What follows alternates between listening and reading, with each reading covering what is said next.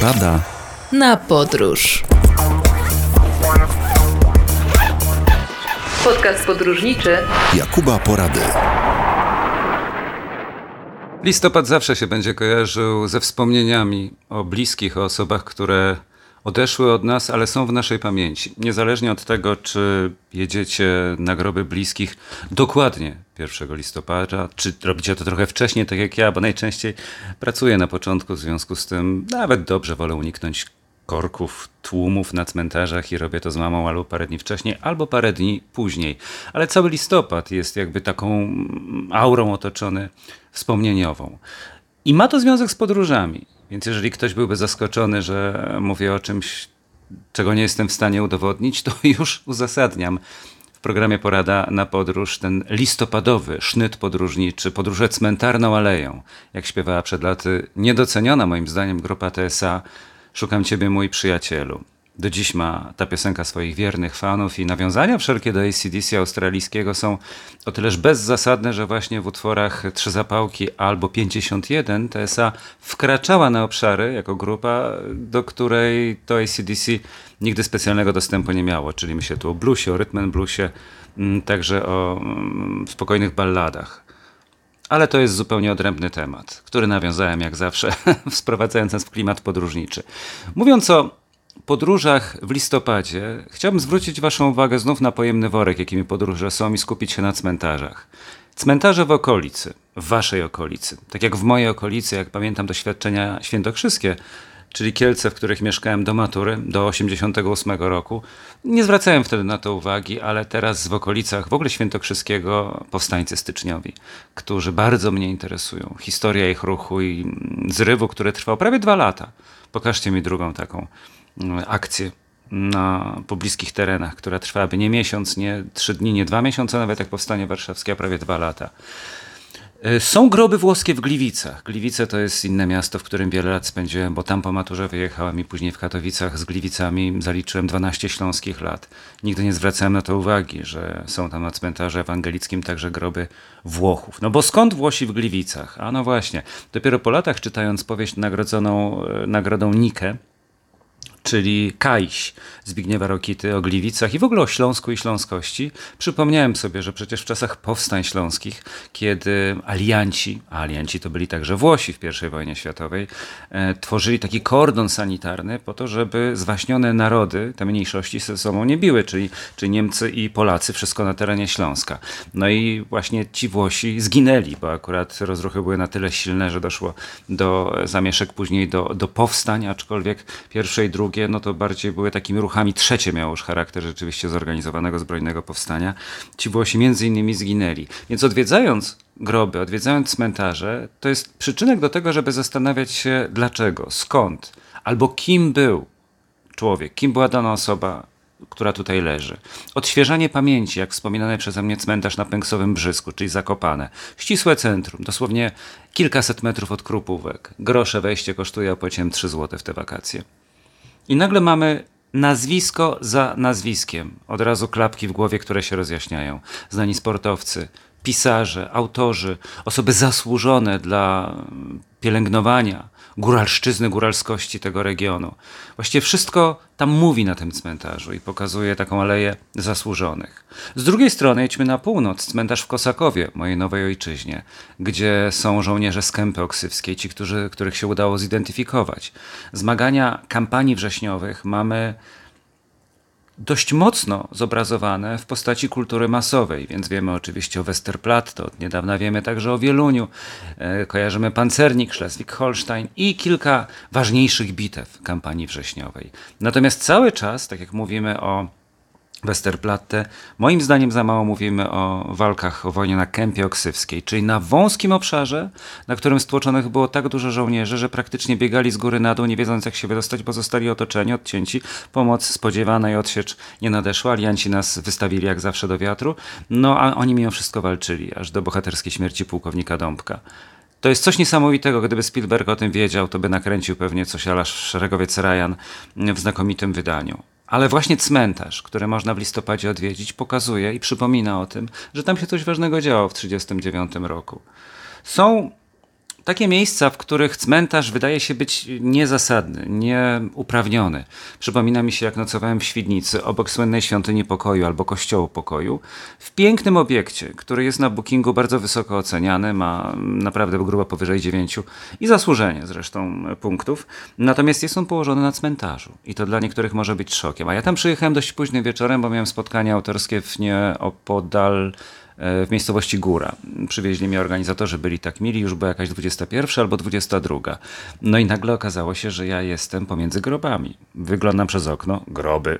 Patrzę na korytarzu, wychodzę na zewnątrz, żeby zapalić groby. No i to takie mające po 200-300 lat.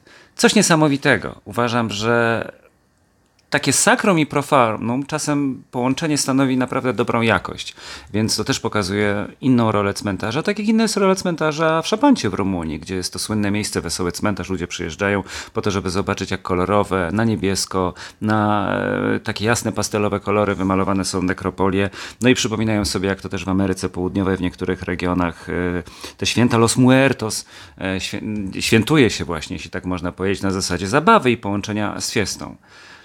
Myślę, że warto zwracać na to uwagę i warto mm, mieć nie tylko zresztą w listopadzie pamięć o tym, że zawsze w jakiejś miejscowości odwiedzanej przez Was znajduje się cmentarz, a jak cmentarz to i zabytkowe groby, bo niektóre mają nie kilkanaście, nie kilkadziesiąt, a nawet i kilkaset lat. Tak jak znowu przypominają mi się nekropolie na Podlasiu. Niewielkie, ale pełne swoistego uroku. Albo cmentarz tatarski Kirkut w Kruszynianach to też przecież część Podlasia.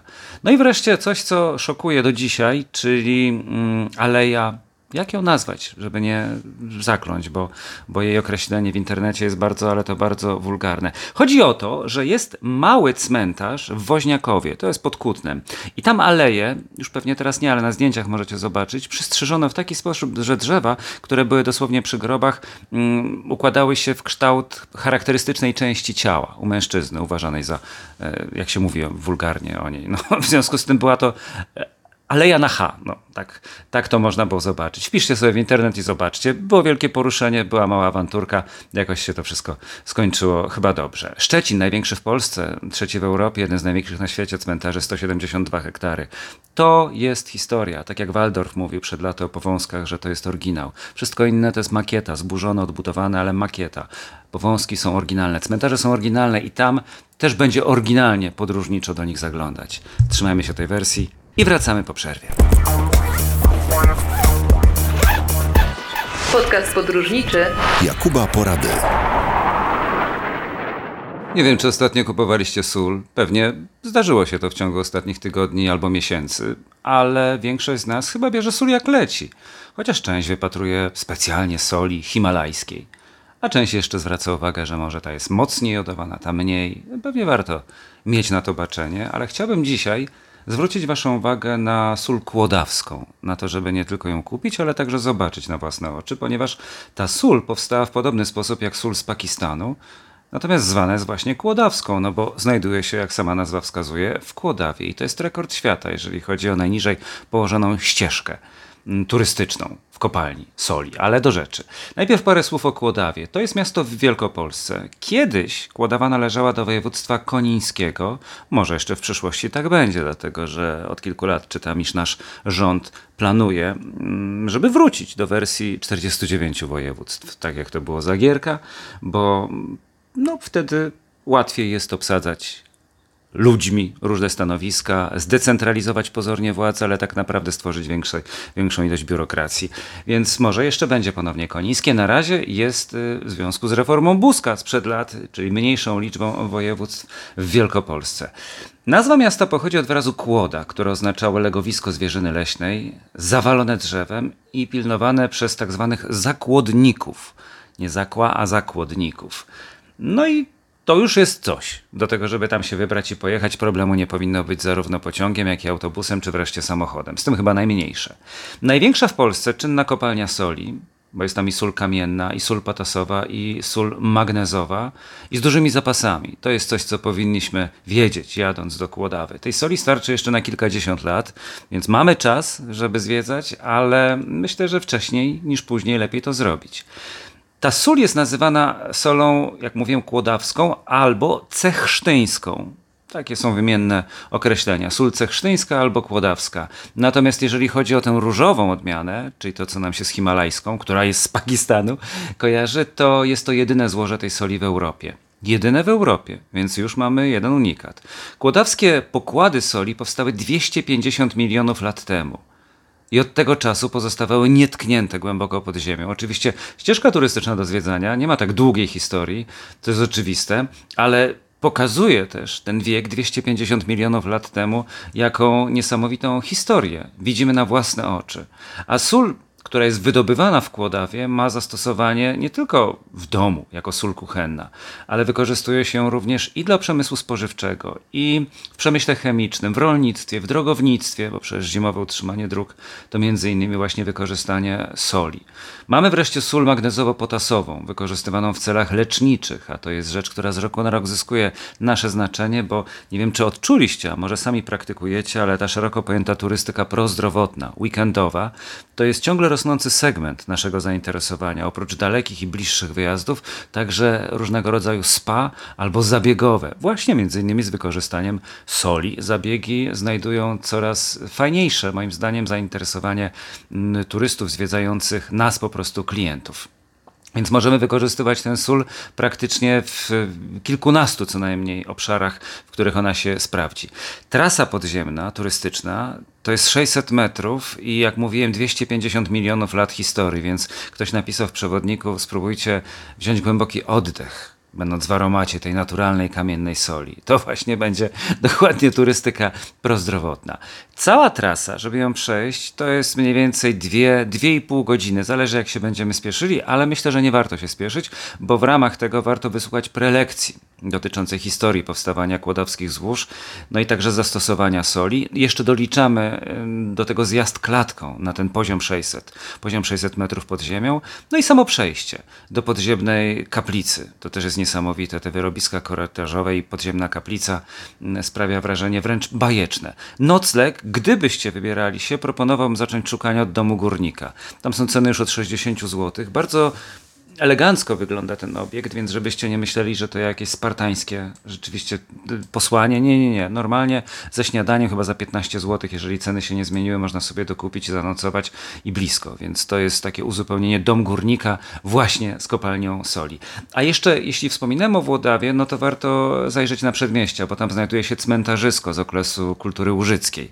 Ja mówiłem e, o cmentarzach i ich znaczeniu w listopadzie w związku z pamięcią o bliskich, ale to może być także pamięć o osobach których nigdy nie spotkaliśmy. Nie było takiej szansy i nie było pewnie takiej potrzeby. Cmentarzysko z okresu kultury łużyckiej odpowiada na takie zapotrzebowanie, będąc w Kłodawie warto wybrać się również i tam. No i pamiątki. Ja zawsze powtarzałem o takiej triadzie podróżniczej, czyli kultura wysoka, coś do zobaczenia dla ducha, e, ta niższa kultura, coś dla ciała, może aktywność, przejście taką ścieżką i pamiątki, czyli zakupy, bo one nie tylko dają radość, ale również odkrywają nam w głowie mm, pokłady, które jak pokłady soli mogą czasami przykryć poprzednie, są, ale są gdzieś tam schowane, a tutaj nagle ukazują się na światło dzienne, przypomina nam się to po prostu, więc pamiątka jest ważna. W przypadku kłodawy, no to będą lampy solne, robione również z soli różowej. One tu się nie znam, więc wypowiem e, się na podstawie oceny zawartej w opisie takiej lampy. Emitują jony ujemne, czyli mogą mieć wpływ na nasze samopoczucie i mają e, pomagać w zaśnięciu. Dla mnie to by było pewnie istotne. Dlatego warto kupić albo dla siebie, albo na prezent dla bliskich. One są do dostania także w sklepie internetowym, jak wejdziecie na stronę, ale myślę, że na miejscu będzie przyjemniej. 50 zł, około 50 zł taka lampa kosztuje. Zresztą bilety mm, też kosztują 50 zł. To akurat w przypadku lampy wydaje mi się, że to jest ok. W przypadku wejścia, no może drogo, ale warto na pewno, dlatego że sól zwana inaczej białym złotem pełni znaczącą rolę w naszym życiu. Kiedyś mówiono, żeby nie nadużywać tej soli, tak jak nie powinno się nadużywać cukru, który jest zwany białą śmiercią, ale jednak w starciu z cukrem sól zdecydowanie wygrywa, bo pełni nie tylko funkcje symboliczne, ale na przykład chroni żywność przed zepsuciem. Jest bogactwem naturalnym, jest stabilizatorem energetycznym każdej komórki jest także lekiem. Przepłukiwanie miejsc bolących jak gardło na przykład, sporządzenie roztworem solnym, daje od stuleci dobre rezultaty, chociaż nie jest przyjemny. Jak kiedyś przeczytałem o chińskim roztworze wody z solą, który trzeba wciągnąć przez nos i wypluć potem i od razu wszystko przechodzi, to stwierdziłem, halo, halo, ale czy to nie zbyt duża mm, cena, jaką trzeba zapłacić, bo nie jest to naprawdę przyjemne, no ale skuteczne. Więc sól pod tym względem daje nam rzeczywiście nie tylko radość, ale także zdrowie. I zwiedzanie też może w takim zdrowiu nam pomóc.